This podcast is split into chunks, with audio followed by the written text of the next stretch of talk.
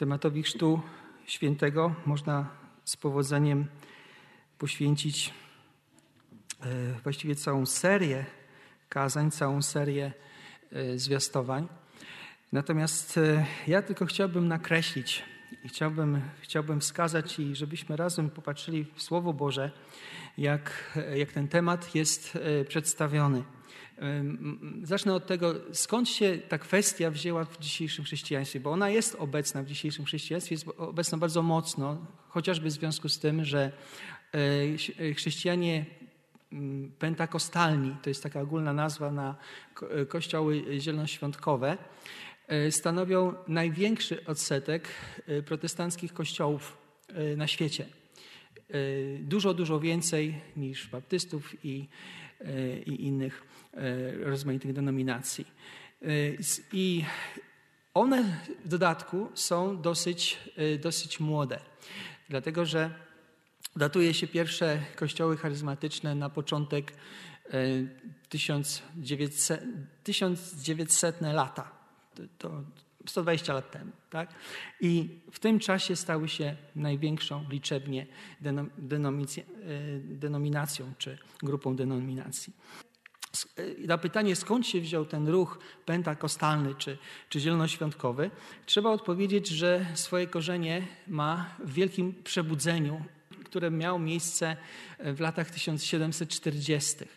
W Stanach Zjednoczonych to było wielkie amerykańskie przebudzenie, ale ono było również obecne na, na kontynencie europejskim, szczególnie w Wielkiej Brytanii.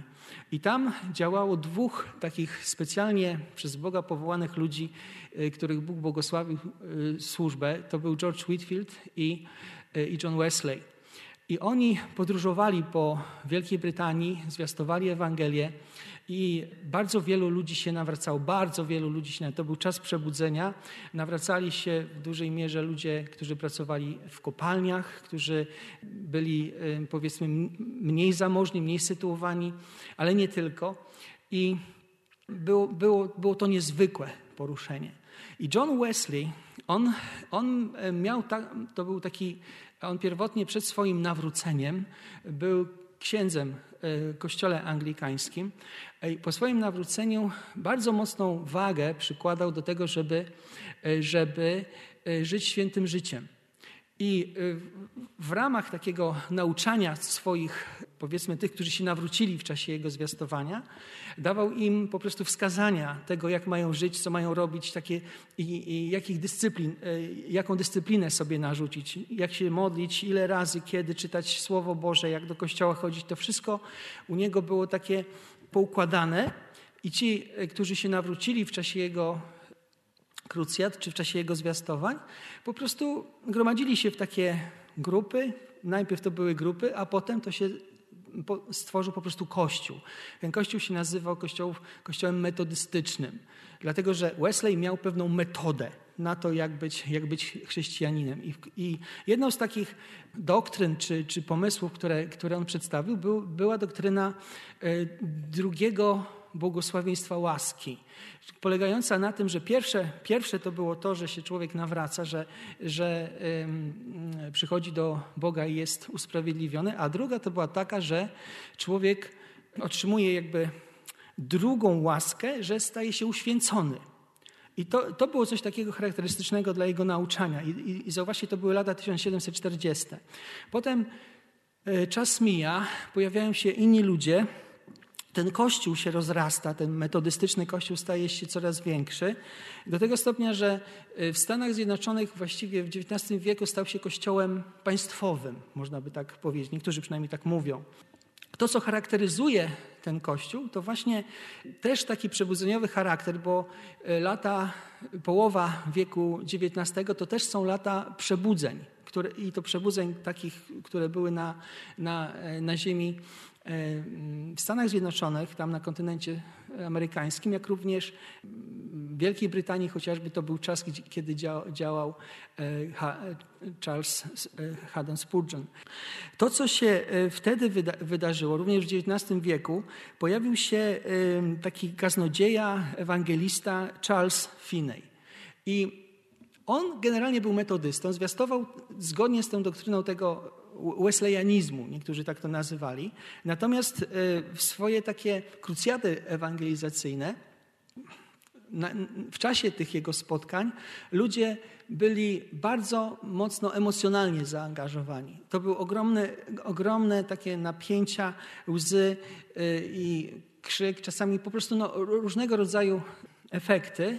Y, natomiast nawracało się bardzo dużo ludzi w czasie tych krucjat i on mówił o tym, że oni powinni przyjąć chrzest Duchem Świętym. Chrzest Duchem Świętym. I ten chrzest Duchem Świętym właśnie był rozumiany jako, jako e, uświęcenie. Jako e, uświęcenie, które nie jest rozumiane jako proces uświęcenia, tylko jako wydarzenie. Czyli człowiek, który otrzymuje Duch Święty, Ducha Świętego właśnie w czasie chrztu Duchem Świętym, jest jakby, e, jakby natychmiastowo uświęcony. Jego życie, jego, jego postępowanie jest po prostu postępowaniem świętego człowieka. To jest właśnie ta druga, druga, e, drugie, drugie działanie łaski według Wesleya. No i kończy się, kończy się wiek XIX i y, pod koniec tego wieku XIX niektórzy ludzie, którzy byli w tym kościele metodystycznym, y, którzy patrzyli na to, jak ten kościół metodystyczny wygląda, stwierdzili, że ten kościół zeświadczał. Stwierdzili, że oni chcą czegoś więcej od Boga. Stwierdzili, stwierdzili że oni nie mogą patrzeć i pozwalać na to, żeby, żeby w kościele było tyle grzechu i tak dalej.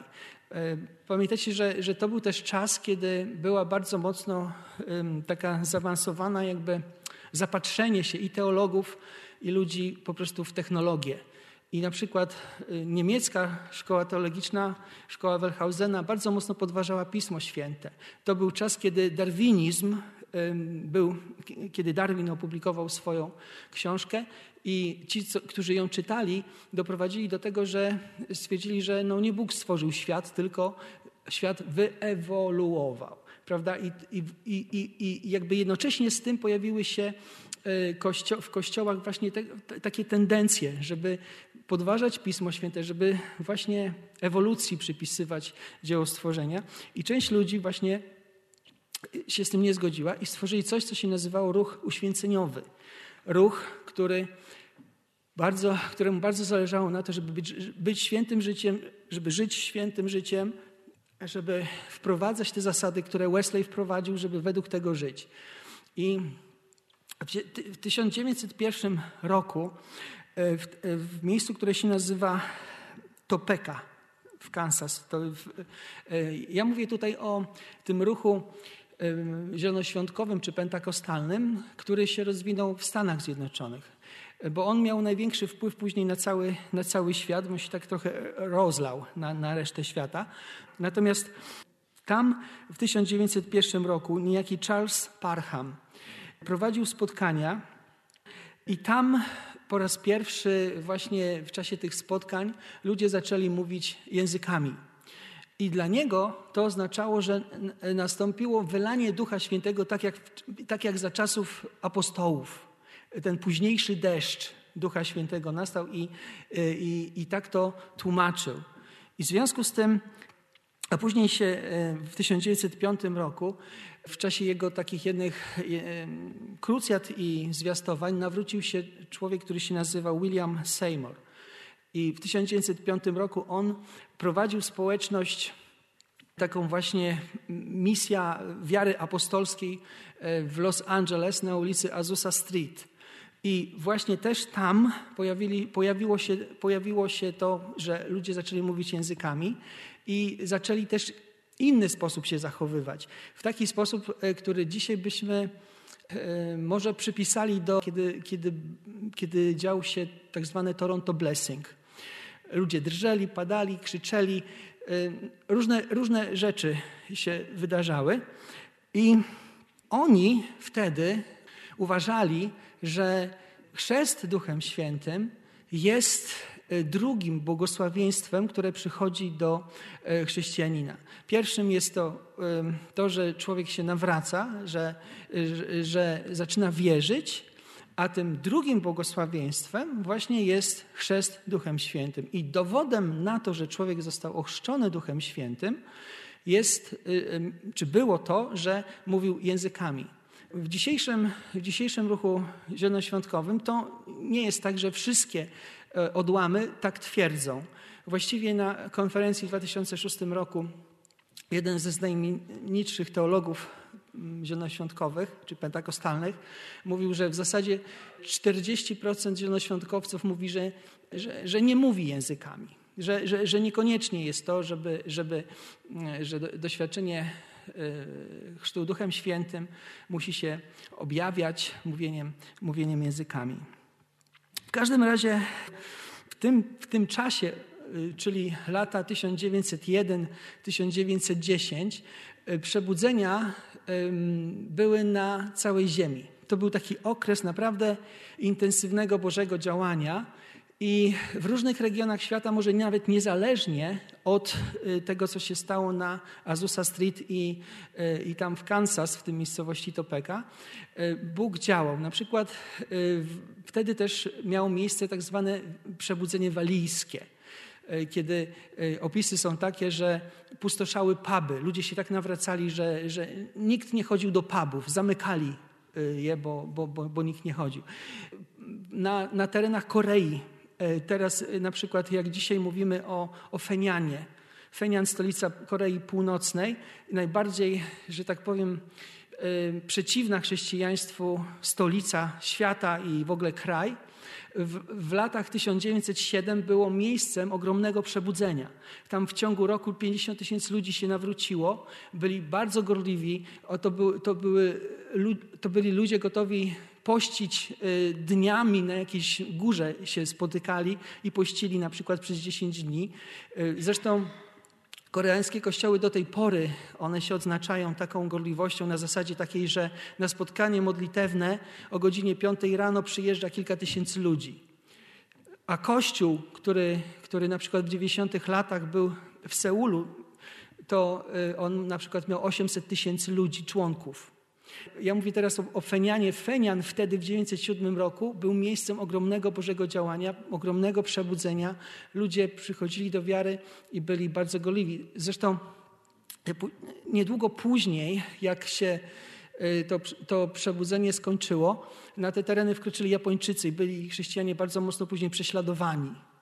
Ale ten czas, 1907 rok, był okresem ogromnego przebudzenia na tamtych terenach na tereny na przykład Norwegii, Szwecji, Niemiec ten ruch y, zielonoświątkowy został przeniesiony przez takiego człowieka, który był wtedy na Azusa Street. On się nazywał Barrett, taki pastor z Norwegii i przyjechał stamtąd i no, został tam ochrzczony Duchem Świętym, przyjechał stamtąd i właśnie w Norwegii i w tych krajach skandynawskich zwiastował Ewangelię i tam powstało też dużo, dużo kościołów. Również działy się tego rodzaju rzeczy w Brazylii, na przykład w Afryce dzisiejszej, w Nigerii, Kenii. Bardzo dużo kościołów powstawało, ludzie się nawracali. Z tym, że z czasem i na przykład tutaj ten amerykański pentakostalizm to był taki, że bardzo szybko się pokłócili. I to pokłócili się nie o doktrynę, tylko o jakieś takie wpływy, kto ma, kto ma mieć więcej wpływu. I na przykład ten Seymour pokłócił się z tym pierwszym, Parhamem Charlesem. Założyli obok siebie kościoły. Nie mogli się dogadać. Na przykład Parham był, e, był człowiekiem, który był rasistą, a Seymour był, był koloru czarnego. I na przykład jak Parham robił wykłady, to kazał Seymourowi słuchać tych wykładów. Nie mógł być Seymour w sali, gdzie jest ten wykład, tylko przez okno mógł słuchać tego wykładu. I to było, to było takie, no takie niezwykłe, że, że te Assemblies of God, czyli te zgromadzenia Boże, y, to, to, to właśnie te, te pierwsze kościoły, które przez nich zostały założone, one później tak się dzieliły dzieliły, jakoś nie mogły się porozumieć i, i, i komentatorzy dzisiaj mówią, no jak to jest z tą jednością Ducha Świętego, jeżeli chodzi o, o to. Nie? Natomiast y, w innych miejscach, na przykład właśnie później w Korei, ten pentakostalizm poszedł w taką stronę, że i w Afryce, i w Korei y, było tak, że oni do doktryny chrześcijańskiej podoklejali takie lokalne wierzenia. W Afryce to były mity które, e, i, i szamanistyczne jakieś praktyki, które, które, które, które robili. E, również Ewangelia sukcesu. Jeden z, z, biskupów tak, w nigeryjskiego kościoła powiedział, że Bóg, którego on wierzy, nie jest Bogiem biednych ludzi. Jeżeli dasz na E, na, na e, ofiarę, to dziesięciokrotnie od niego otrzymasz więcej. Także różne takie kierunki poszli. W Korei zresztą niektórzy mówią dzisiaj, że te wielkie kościoły są kościołami najszybciej pustoszejącymi. I, I nie wiadomo, dlaczego tak jest. W każdym razie chodzi o to, że ta gorliwość, ta, ten początkowy zapał i entuzjazm, taka, taka żarliwość dla Boga, bo po prostu z czasem, z czasem ona e, w różne kierunki może pójść, jeżeli, jeżeli nie, e, nie, nie trzyma się Słowa Bożego. Oni też wtedy, e, ci pierwsi, powiedzmy, zielonoświątkowcy, ukuli takie wyrażenie, że oni zwiastują pełną Ewangelię. I ta pełna Ewangelia według nich miała takich pięć aspektów. Usprawiedliwienie, uświęcenie, chrzest Duchem Świętym, uzdrowienia i bliski powrót Chrystusa. I do dzisiaj możecie znaleźć e, na przykład kościoły pełnej Ewangelii, czy, czy po angielsku full gospel churches, e, które są w, w różnych miejscach na świecie. Później ta pełna Ewangelia e, właściwie została tak, e, jakby te, te, te, dwa pierwsze, te dwie pierwsze kwestie, usprawiedliwienie i uświęcenie, zostało zastąpione zbawieniem. I ta pełna Ewangelia miała te cztery takie fundamenty, czyli zbawienie, chrzest Duchem Świętym, uzdrowienie i bliski powrót Chrystusa. I teraz, czym jest e, chrzest Duchem Świętym? No właśnie, dla, dla nich, jak oni to właśnie definiowali, to było doświadczenie następujące po odrodzeniu po odrodzeniu, drugie doświadczenie, odrębne od odrodzenia, polegające na ponadnaturalnym działaniu Ducha Świętego w człowieku. Tak zwane drugie błogosławieństwo, polegające na tym, że człowiek staje się święty i też wyposażony do, do służby y, w kościele. Dowodem na to, jak mówiłem, miało być mówienie językami. Y, natomiast to, czym się podpierali, to, to, co dało im takie argumenty natury teologicznej, to był e, człowiek, który się nazywał Ruben Archer Torrey.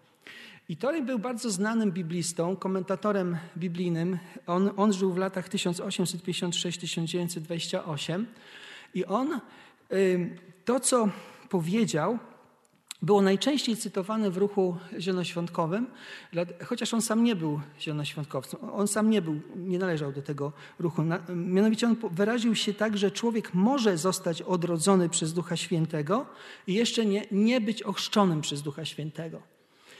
I, I, to było bardzo takim argumentem dla nich y, ważnym i y, czego się trzymali. W każdym razie dzisiaj są takie trzy najważniejsze podejścia do chrztu Duchem Świętym. I pierwszy z nich to jest sakramentalne. Jeden sposób, że, że, że człowiek otrzymuje Ducha Świętego raz. I w jaki sposób? W taki, że zbawiająca obecność Ducha Świętego i wyposażająca w moc Ducha Świętego ma miejsce poprzez chrzest wodny, który niejako powoduje e, otrzymanie Ducha Świętego. Tu można powiedzieć, że Kalwin mówił coś takiego, że nie na darmo chrzcimy czy zanurzamy ludzi w wodzie, bo jeżeli my jako ludzie zrobimy to, co do nas należy, co nam nakazał Jezus, bo Jezus mówił ścijcie, prawda? To Jezus zrobi to, do czego się zobowiązał, czyli pośle Ducha Świętego tym, którzy, którzy y, przyjęli chrzest wodny. I to jest pierwsze podejście. Drugie podejście jest y, takie, że, że y, pełnię Ducha Świętego otrzymuje człowiek raz w momencie, kiedy się nawraca. To jest to podejście tak zwane nawróceniowe, jeżeli tak można to ująć. Doświadczenie, które następuje, kiedy człowiek po prostu podaje swoje życie Chrystusowi, kiedy wierzy w Chrystusa. Y, I argument taki, że nawrócenie i otrzymanie Ducha Świętego i wyposażenie przez Ducha Świętego y, są tak jakby dwiema e, stronami tej samej monety. Nie ma nawrócenia bez obecności Ducha Świętego, bez Jego mocy. I w jednym wydarzeniu wtedy człowiek otrzymuje zarówno zbawiającą, jak i wyposażającą w moc obecność Ducha Świętego. No i pogląd y, ten y, pentakostalny, y, ten pięćdziesiątnicy, pentakostal to jest od słowa pięćdziesiątnica. I ten, ten pogląd mówi o tym, że otrzymuje się Ducha Świętego jakby na dwa sposoby, albo dwukrotnie. I pierwszy jest taki, że, y, że, jest, y, że, że dzieje się to przy nawróceniu i że człowiek zostaje odradzany przez Ducha Świętego, ale nie jest wyposażany w jego moc. To jest właśnie ten pogląd, który Torej, który popierał ten, ten pogląd. Natomiast drugi, e, drugi moment, czy drugi, drugi czas, kiedy człowiek dostaje Ducha Świętego, jest doświadczeniem tylko tych, którzy wcześniej zostali odrodzeni. I Duch Boży wtedy działa dla takim człowieku w taki sposób, że widać to w tym, jak ten człowiek żyje, jak ten człowiek postępuje, jak ten, jak ten człowiek jest używany y, dla, dla Kościoła. Czyli jest przeoblecony taką mocą właśnie jak w dziejach apostolskich apostołowie zostali y, przy, y, przeobleczeni. I teraz Y, jak o tym myśleć? Który pogląd jest słuszny? Czy one się przypadkiem nie wykluczają i, i tak dalej, prawda? Czyli, y, a może wcale nie są różne, słuchajcie, może, może te, te dwa poglądy jakoś tam się uzupełniają zamiast się wykluczać. Popatrzmy teraz, jak jest przedstawione, czy co Słowo Boże mówi w dziejach apostolskich o o działaniu Ducha Świętego i w tych fragmentach, gdzie, gdzie jest właśnie mowa o tym, że Duch Święty stąpił na ludzi, że, że Duch Święty przyszedł. I, I, jest w dziejach apostolskich takich pięć miejsc, gdzie jest mowa właśnie o tym, że Duch Święty stąpił po raz pierwszy. Jako pierwsze miejsce jest właśnie Pięćdziesiątnica. W dziejach apostolskich dwa, gdzie, gdzie, gdzie jest słyszany szum, wiatru, gdzie są te języki ognia, i potem e, wszyscy zebrani słyszą apostołów mówiących w swoich językach. I to jest e, wypełnienie, później tak jak to apostoł Paweł zwiastuje, że jest to wypełnienie proroc Joela, jest to wypełnienie zapowiedzi też, które Jezus stawił, że pośle Ducha Świętego. Ducha otrzymali tam wszyscy, 120 osób zebranych tam w jednym miejscu, zgodnie z tym, co Jezus powiedział, poczekajcie, aż zostaniecie przeobleczeni mocą z wysokości, tak jak y, tam jest napisane w Dziejach Apostolskich 1,8. I teraz to było widzialne i słyszalne doświadczenie i pierwsze doświadczenie w historii świata, można powiedzieć. Nowa era, Stary Testament został i ze Starym Przymierzem za, a teraz zaczęło obowiązywać nowe przymierze wraz z obecnością Ducha Świętego w tych, którzy należą do Boga. Także to był pierwszy ten przełomowy moment, kiedy Duch Święty stąpił na, na uczniów. Y, było to y, też, to co też jest istotne, wydarzenie wspólnotowe. Na wspólnotę stąpił Duch Święty, prawda? I Duch Święty przyszedł z góry. To też nie jest tak, że oni y, zrobili coś, skłonili Ducha Świętego do tego, żeby przyszedł. Nie, On został im dany niejako z wysokości. Także to, było pierwsze, to jest takie pierwsze wydarzenie opisane w dziejach apostolskich. W drugim jest Y, wydarzenia opisane w Samarii. I Samaria to było miejsce, gdzie żyli Żydzi, którzy wymieszali się z, z ludźmi, którzy nie byli pochodzenia żydowskiego, tacy półżydzi powiedzmy. Y, bo w tym pierwszym wydarzeniu, pięćdziesiątnicy, Duch Święty stępuje na Boży Naród, na tych, którzy byli uczniami Jezusa, którzy byli Żydami i oni otrzymują Ducha Świętego. Natomiast y, w wydarzeniu w Samarii Duch Święty stępuje na pół Żydów, pół pogan, tak? na tych, którzy są powiedzmy takim, takim pomostem pomiędzy e, narodem izraelskim, narodem żydowskim, a e, poganami. I tam jest, tam jest taka sprawa, że ci, którzy mówią o tym, że Duch Święty, Duch Święty i zbawia i wyposaża swoją mocą, w momencie, kiedy człowiek wierzy, to, to, to mają zagadkę. I James Dunn, e, taki biblista, mówi, że Samaria jest po prostu zagadką. Jak to się dzieje? Bo tam czytamy coś takiego, że Filip, ewangelista, kiedy tam dotarł, zwiastował Ewangelię, ludzie przyjmowali Ewangelię, wierzyli Ewangelii i dali, dawali się ochrzcić. Natomiast oni nie dostali Ducha Świętego wtedy.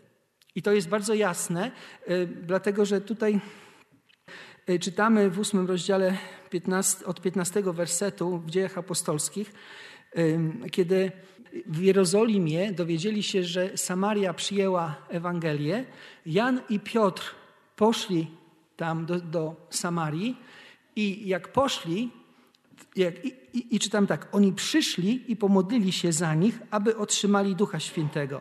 Na żadnego z nich bowiem jeszcze nie stąpił. Byli jedynie ochrzczeni w imię Pana Jezusa. Wtedy więc wkładali na nich ręce, a oni otrzymywali Ducha Świętego.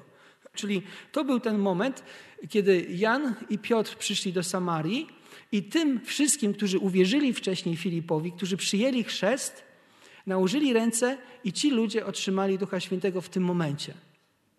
To jest drugi taki moment. Trzeci taki moment zwrotny czy, czy ważny jest związany z domem Korneliusza. Korneliusz był Rzymianinem, czyli już był w pełni poganinem.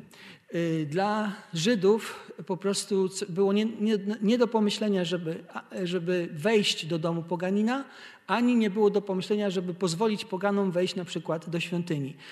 Często mówili czy traktowali pogan jak, tak jak nie powinni, powiedzmy, z, z dużą dozą pogardy.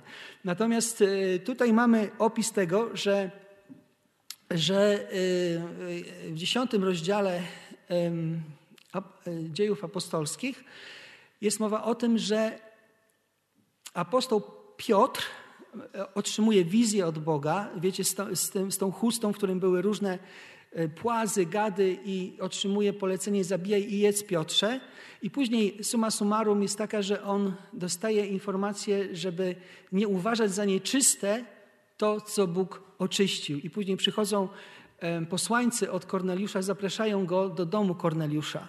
I Piotr zdaje sobie sprawę, że żeby on nie uważał za nieczystego tego, kogo Bóg oczyścił, czyli żeby nie uważał, e, że nie może wejść do domu poganina Korneliusza. I poszedł do tego domu Korneliusza, tam zwiastował Ewangelię. I w czasie jego zwiastowania Duch Święty stąpił na wszystkich obecnych, którzy tam byli. Duch Święty stąpił w taki sposób, że później, kiedy w jedenastym rozdziale apostoł Piotr opisuje, czy jakby sprawozdanie zdaje z tego, co się stało, mówi o tym innym apostołom, nie? Tak, 11 rozdział, 15 werset i 16. Kiedy zacząłem mówić, Duch Święty stąpił na nich jak na nas na początku. Czyli on się odnosi do tego wydarzenia, którego, które on sam przeżył w momencie, kiedy, był, e, kiedy było to wydarzenie pięćdziesiątnicy. On tutaj się odnajduje w tym. I przypomniałem sobie wtedy słowa Pana, który powiedział: Jan chrzcił wodą, wy natomiast zostaniecie ochrzczeni Duchem Świętym. Bo słyszeli właśnie, jak oni się modlili, wychwalali Boga, mówili innymi językami w domu Korneliusza. I także zobaczcie, ten punkt zwrotny jest taki, że oto poganie otrzymują Ducha Świętego. Poganie, czyli już nie tylko pół Żydzi, tacy, którzy mieszkali w Samarii, nie tylko Żydzi, ale również Bóg dał dar Ducha Świętego poganom. Kolejną, y, kolejnym miejscem, gdzie jest mowa o ochrzczeniu Duchem Świętym, czy przyjęciu Ducha Świętego, jest mowa w rozdziale 19. Tam jest opis tego, kiedy apostoł przyszedł w okolice Efezu apostoł Paweł, i tam spotykał pewnych uczniów i pyta się ich, czy otrzymali Ducha Świętego, kiedy uwierzyli. A oni mu mówią, że nawet nie słyszeli, że jest Duch Święty i że, no to pyta ich, jakim chrztem zostaliście ochrzczeni. Oni mówią, no chrztem Jana Chrzciciela. No i później on ich ochrzcił w imię Jezusa Chrystusa, nałożył ręce i ci ludzie otrzymali Ducha Świętego. I to było jawne, jasne, oczywiste dla i dla nich, i dla Pawła. Mm, I pytanie jest takie, czy, czy to byli uczniowie, chrześcijanie w takim, w takim znaczeniu nowotestamentowym, czy jeszcze nie byli uczniami, tylko byli y, takimi, którzy y, może są przybliżeni, prawda? albo są tego rodzaju świętymi, jakimi byli świętymi ludzie Starego Testamentu. No właśnie w taki sposób e, bibliści to tłumaczą, że dopóki, dopóki człowiek nie otrzyma Ducha Świętego, nie może o sobie mówić, że jest chrześcijaninem, że, że jest dzieckiem Bożym. No i teraz też jest ostatni, taki piąty, e, piąte miejsce. w dziejach apostolskich charakterystyczne, kiedy jest opis tego, jak, jak apostoł Paweł otrzymał Ducha Świętego. I w dziewiątym rozdziale jest, jest cała ta historia opisana, jego nawrócenia, jego, jego kontaktu, jego spotkania e, ze zmartwychwstałym Chrystusem. I e, jest mowa o tym, że on najpierw otrzymał Ducha Świętego, a potem został ochrzczony. Dokładnie tak jak w domu Korneliusza. Czyli nie ma tutaj jakiegoś takiego stricte wzorca, prawda? Czyli, że człowiek uwierzy, ochści się i dostaje Ducha Świętego. Na przykład taka kolejność, żebyśmy się uparli, że taka jest kolejność zawsze i wszędzie. Nie, no nie, nie jest taka. W domu Korneliusza było tak, że oni słuchali, otrzymali Ducha Świętego, potem się ochrzcili, prawda? Jeżeli chodzi o apostoła Pawła, tak samo. Spotkał się z, ze zmartwychwstałym Chrystusem, dostał Ducha Świętego, potem się ochrzcił. Nie ma tutaj takiej zależności. Natomiast jest jasne, że wszyscy ci ludzie Ducha Świętego otrzymali że wszyscy ci ludzie Ducha Świętego otrzymali. I właśnie w związku z tym, że w taki sposób Nowy Testament, znaczy y, dzieje apostolskie to opisują, y, ja sam się skłaniam do takiej opinii, że chrzest Duchem Świętym to jest moment, kiedy otrzymuje człowiek Ducha Świętego. Że chrzest Duchem Świętym to jest moment, kiedy otrzymuje Ducha Świętego. I te, pierwszy raz, Czyli to jest coś takiego, że wcześniej tego nie doświadczył, wcześniej tego nie poczuł, wcześniej tego nie było w jego życiu, natomiast teraz jest. Później, właśnie w dziejach apostolskich, do tego jeszcze wrócę, jest mowa o tym, że e, chrześcijanie mogą być napełniani Duchem Świętym. Kolejny raz, jakby Bóg e, może sprawić to, że zostaną napełnieni Duchem Świętym. Takim chyba najbardziej ważnym wersetem czy podejściem, które e, dzisiaj funkcjonuje, to jest fragment z listu do Koryntian. Jeżeli otworzymy list do Koryntian, pierwszy list do Koryntian, dwunasty rozdział i trzynasty werset, to tam przeczytamy, że e, Paweł mówi takie słowa: Bo też w jednym duchu wszyscy zostaliśmy ochrzczeni w jedno ciało czy to Żydzi, czy Grecy, czy to niewolnicy, czy wolni, i wszyscy zostaliśmy napojeni jednym duchem.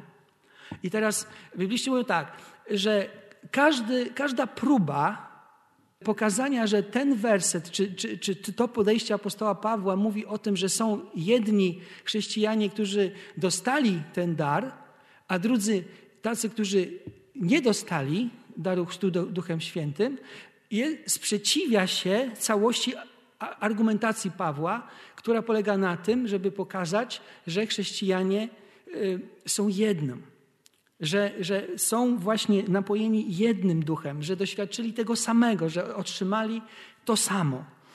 Teraz tak, w dziejach apostolskich y, są właśnie takie momenty też pokazane, kiedy kiedy apostołowie byli napełnieni Duchem Świętym po raz kolejny do, do kolejnego dzieła, tak jakby e, napełnieni specjalnie. Zobaczcie, w czwartym rozdziale, kiedy apostoł Jan i Piotr zostali aresztowani, potem wyszli i apostoł Piotr zaczyna przemowę. I tam czytamy w ósmym wersecie, wtedy Piotr, pełen Ducha Świętego, rzekł do nich, przełożeni ludu i starsi, i zaczyna swoją przemowę. I, tu, i tutaj no, jest zgoda w ogóle wszystkich, którzy czytają, którzy komentują dzieje apostolskie, że, że to podkreślenie pełen Ducha Świętego odnosi się do tego, że w tym momencie Piotr został specjalnie napełniony, czy jeszcze raz napełniony Duchem Świętym, po to właśnie, żeby przemówić do, do ludzi, którzy byli przed nim. I też w czwartym rozdziale, y, w 31 wersecie jest mowa taka, że a gdy skończyli modlitwę, zatrzesło się miejsce, na którym byli zebrani i napełnieni zostali wszyscy Duchem Świętym i głosili z odwagą Słowo Boże. Czyli ci sami, którzy wcześniej dostali Ducha Świętego po raz pierwszy, teraz zostali napełnieni jeszcze raz Duchem Świętym i z odwagą głosili y, Słowo Boże. Podobnie było z apostołem Pawłem, który dotarł na Cypr i na Cyprze przemieścił się do miejscowości, gdzie spotkał, e, gdzie urzędował prokonsul Sergiusz Paweł, do Pafos i tam e, chciał mu zwiastować Ewangelię, ale pojawił się człowiek, czarnoksiężnik, którego greckie imię brzmiało Elymas i próbował e, sprawić, żeby Sergiusz Paweł nie usłyszał Ewangelii.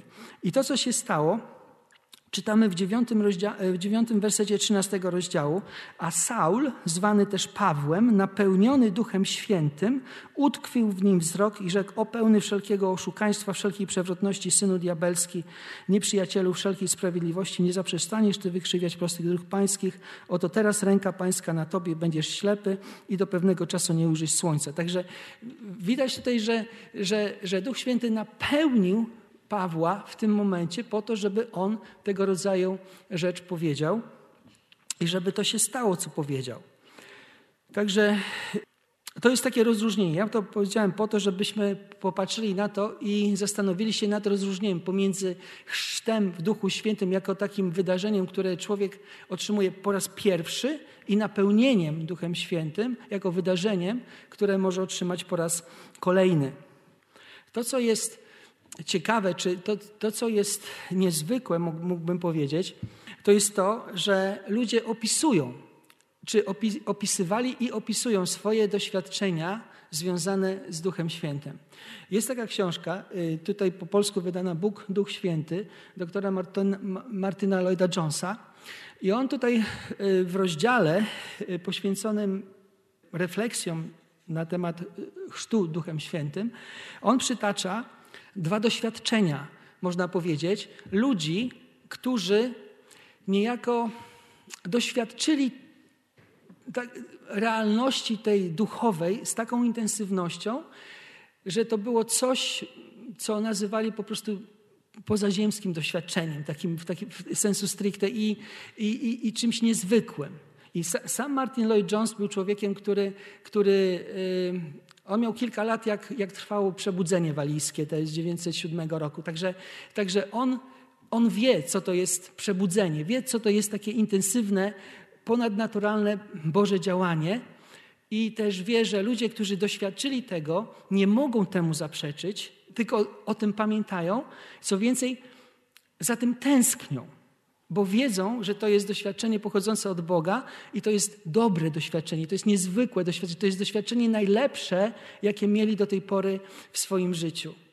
I teraz dwóch ludzi, on tutaj przytacza John Flavel. John Flavel był jednym z purytan, był cichym człowiekiem, osobą, która, którą Bóg używał w małym zakresie, chociaż w bardzo znaczący sposób. A oto, co przydarzyło się Johnowi Flavelowi. Działo się to podczas samotnej podróży, kiedy jego umysł był pogrążony w analizowaniu samego siebie i modlitwie. Taki jest opis tego wydarzenia. Podróżując przez cały dzień, ani nikogo nie spotkał, ani minął, nikt także go nie prześcignął. W tak w taki sposób, jadąc swoją drogą, jego myśli zaczęły zwiększać się i wznosić wyżej i wyżej, jak wody w Ezechielowej wizji, aż w końcu stały się wszystko przepełniającą powodzią. Taka była intencja jego umysłu, taki porywający smak niebiańskiej radości, a taka pełnia pewności korzyści z tego wypływającej, że całkowicie stracił wszelkie widzenie i poczucie tego świata oraz zainteresowanie nim. Przez kilka godzin nie wiedział nic poza tym. Wydawało mu się, że spał, śniąc głęboko na swoim łóżku. Będąc bardzo wyczerpanym, zbliżył się do pewnego źródła, usiadł, umył się, szczerze pragnąc, iż jeśli byłaby taka Boża wola, to chciałby już odejść z tego świata. Śmierć miała w jego oczach najbardziej uprzejmą twarz, jakiej dotychczas nie widział, za wyjątkiem twarzy Jezusa Chrystusa. On tego nie pamięta, chociaż wierzył, że umiera, ale nawet nie pomyślał o swojej drogiej żonie, dzieciach lub jakichś ziemskich sprawach. Zbliżając się do swojego do swojego zajazdu, ów wpływ stale był obecny. Odpędzał sen, a radość Pana nim zawładnęła do tego stopnia, że wydawało się, iż był on mieszkańcem innego świata. Lecz w ciągu kilku godzin odczuł odpływ fali i przed nocą, chociaż towarzyszyły mu niebiańskie usposobienie i stale trwający pokój w jego duchu, to jednak uniesienia radości się skończyły, a ostrość jego radości stępiała. Wiele lat później nazwał ten dzień jednym z niebiańskich dni i twierdził, że zrozumiał dzięki temu więcej z życia w niebie niż przez wszystkie książki, jakie kiedykolwiek przeczytał albo przeprowadził. Czyli to doświadczenie Ducha Świętego jest prawdziwe, jest dostępne, jest możliwe dla, dla e, człowieka wierzącego, dla tego, kto położył swoją ufność w Chrystusie i przynosi niezwykłe efekty. Zobaczcie, w jego przypadku tu jest mowa, że zrozumiał więcej niż przez wszystkie książki, jakiekolwiek kiedy przeczytał. I tak ludzie też mówią, inne świadectwa mówią, że ludzie, którzy doświadczyli takiego dodatkowego, powiedzmy, napełnienia Duchem Świętym, mówią o wielkiej miłości y, Bożej, którą, której świadomość mieli. Mówią o tym, jak Bóg jest pełen chwały. Mówią o tym, jak sami są grzeszni i, i gdzieś przejęci tą swoją grzesznością. I, I, to są wszystko rzeczy, które dzieją się w momencie, kiedy Duch Święty działa właśnie w ten ponadnaturalny sposób. Najczęściej właśnie w czasie przebudzeń. Najczęściej w czasie przebudzeń. Drugie doświadczenie, które tutaj jest opisane, to Jonathan Edwards. I on był jednym z największych takich y, teologów, powiedzmy, chrześcijaństwa. I y, człowiekiem bardzo, bardzo też y, takim, którego Bóg pobłogosławił właśnie tym, że on doświadczył działania Ducha Świętego. I tu, tu jest opis tego, co sam, sam Edwards pisze o swoim doświadczeniu. Kiedy wjeżdżałem do lasu ze względu na zdrowie, było to w 1737 roku. Zsiadłszy z konia w wyznaczonym miejscu i zgodnie z powszechnym zwyczajem, spacerując dla pobożnej kontemplacji i modlitwy, miałem wizję. Było to dla mnie coś nadzwyczajnego, coś z chwały Syna Bożego jako pośrednika między Bogiem a człowiekiem, coś z Jego wspaniałej, wielkiej, pełnej, czystej i słodkiej łaski, i miłości oraz cichego i delikatnego stąpienia.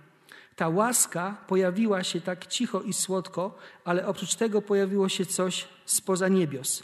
Osoba Chrystusa stąpiła w sposób niewypowiedzialnie cudowny i ta wspaniałość była tak wielka, że była w stanie pochłonąć wszystkie myśli i koncepcje. Według mojego osądu trwało to jakąś godzinę. Większą część tego czasu spędziłem w potopie łez i na głośnym łkaniu. Poczułem w duszy gorące pragnienie, coś, czego nie umiem inaczej wyrazić, aby być oczyszczonym i unicestwionym. Leżałem w prochu i byłem wypełniony tylko Chrystusem. Chciałem Go kochać czystą i świętą miłością, ufać Mu, żyć dla Niego, służyć Mu i być doskonale uświęconym, będąc przy tym oczyszczonym przez tę boską i niebiańską czystość. Także myślę sobie, że sobie samemu życzę takiego doświadczenia i życzę takiego doświadczenia każdemu z nas tutaj obecnych, bo to jest właśnie coś takiego, co Duch Boży może sprawić w nas. I my sami tego sprawić nie możemy. My sami tego sprawić nie możemy. A, na, a często niestety bywało w historii tak, że była tak jakby odwrócona kolejność. I w tych kościołach właśnie charyzmatyczno pentakostalnych, to było tak, w jednej książce o, o, o przebudzeniach przeczytałem, że porównanie, że normalnie jest tak, że jak wieje wiatr, to drzewa się ruszają. Uginają i się ruszają. Natomiast niektóre sytuacje w kościołach były takie, że, że wyglądało na to, że chcą, że ruszają gałęźmi, żeby wywołać wiatr. Prawda? I, I to nie jest właściwa koncepcja, nie jest właściwa rzecz. Natomiast ona być może właśnie wynika z tego, że kiedyś ludzie doświadczyli tej, tego, czego doświadczył Edwards, czego doświadczył Flavel, czego wielu innych doświadczyło i tęsknią za tym. To jest autentyczne, to jest prawdziwe, to jest, to jest realne. E, tęsknią za tym Bogiem, który jest Bogiem ponadnaturalnym, Bogiem, który czyni cuda, Bogiem apostołów. Ale też mamy, mamy to świadomość, że w taki sposób Bóg działa po prostu wtedy, kiedy są przebudzenia, kiedy, kiedy, kiedy jest no, po prostu niezwykła jego, jego, jego dzieło. Także podsumowując kilka zdań na koniec, chrzest Duchem Świętym jest aktem, którym człowiek otrzymuje Ducha Świętego. Bez Ducha Świętego nie jest dzieckiem Bożym w rozumieniu Nowego Testamentu. Jest to pierwsze otrzymanie Ducha Świętego. W tym sensie niepowtarzalne. A z drugiej strony człowiek może doświadczyć wielu kolejnych napełnień Duchem Świętym. I na przykład John Piper mówi o tym, że on każdą sytuację, którą, która by, której efektem będzie to, że on lepiej zrozumie Bożą wolę, że on, że on lepiej doświadczy Bożą miłość, nazwie chrztem w Duchem Świętym. I on mówi, że się modli o to codziennie. E, także e, można doświadczyć działania Ducha Świętego, w wyniku czego można mieć naprawdę klarowny, klarowniejszy obraz Bożej woli, klarowniejszy obraz tego, czym jest Boża chwała, e, klarowniejszy obraz tego, czym jest, czym jest grzech i też można przez to być wypełnionym siłą do tego, żeby, żeby y, być zdolnym do złożenia świadectwa albo być zdolnym do przetrwania tortur na przykład, albo przeciwności jakiegoś rodzaju y, takich rzeczy. I też to, że się doświadczy realności Ducha Świętego, to nie daje człowiekowi takiego mandatu na to, żeby w jakiś sposób mniej patrzeć, czy mniej się kierować Słowem Bożym. Bo jeżeli, jeżeli y, do tego dojdzie, to mamy sytuację taką, jaką, jaka była w kościele w Koryncie, albo mamy takie sytuacje, jakie jest w wielu różnych takich kościołach pentakostalnych, które dobre, dobrze zaczynały, ale poszły nie w tym kierunku, którym powinny były pójść. Także Duch Boży nie stoi w sprzeczności ze Słowem Bożym, a Słowo Boże jest dla nas takim kompasem, takim wskazaniem. I zauważcie, że nie nasze doświadczenia powinny sądzić Słowo Boże, ale Słowo Boże powinno sądzić nasze doświadczenia. Dobrze zrobimy, jak się będziemy tego trzymać.